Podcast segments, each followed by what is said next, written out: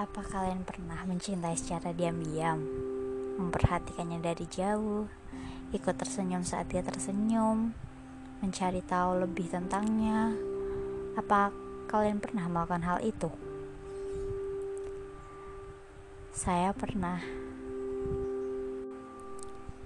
Tapi tiba-tiba terlintas di pikiran saya bagaimana pendapatnya tentang saya yang bukan siapa-siapanya atau bahkan tak mengenal saya dengan baik ikut tersenyum saat ia tersenyum.